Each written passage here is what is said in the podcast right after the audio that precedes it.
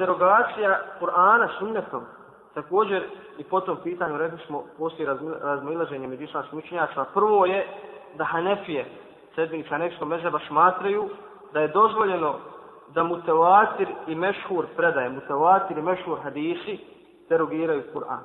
Međutim, ahad hadisi ne mogu derogirati Kur'anski propis. To je stav Hanefija.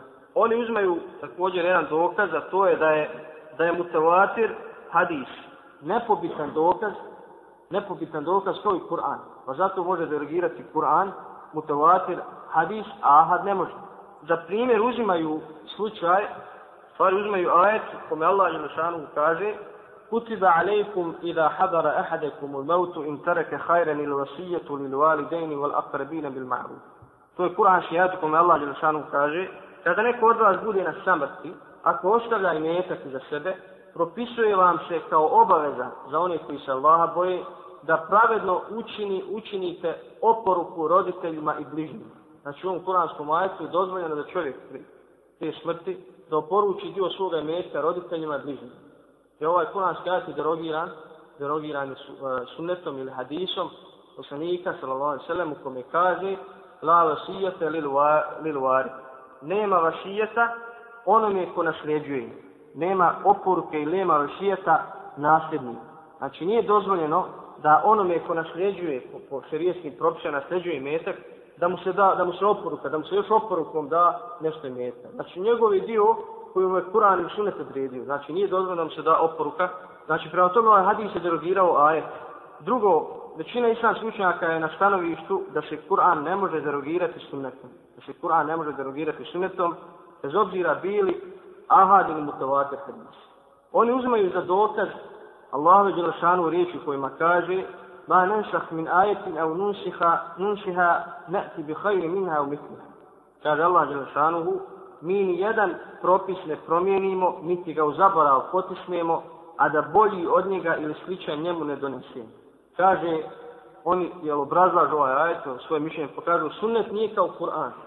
Znači u ovom ajetu se kaže, mi, ne, mi nijedan propis ne promijenimo, niti ga u zabora potisnemo, a da bolji od njega ili sličan njemu ne donesemo. Pa oni kažu, Kur'an nije niti sličan Kur'anu, niti je bolji od njega. Kaže, prema tome, e, sunnet nije sličan Kur'anu, niti je bolji od njega, prema tome sunnet ne može derogirati Kur'an. Također navode, također navode primjer da neprijatelj Islama i na taj način lakše je li ovaj, potvorili poslanika sallallahu alaihi sallam da izmišlja i da laži.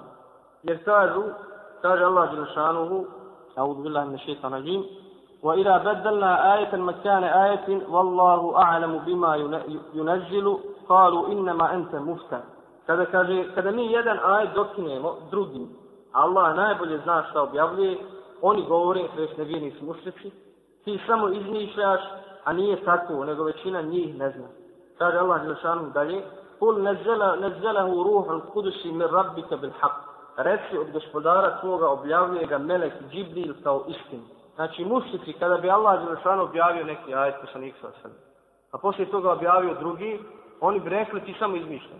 Sad kažeš ovako sad ovo. Znači to, na, na taj način su prasu mahanu islamu, pa kaže ako bi poslanik sallallahu alaihi sallam derogirao neki ajet, neki propis iz Kur'ana, sunnetom onda bi sigurno rekli ti izmišljaš.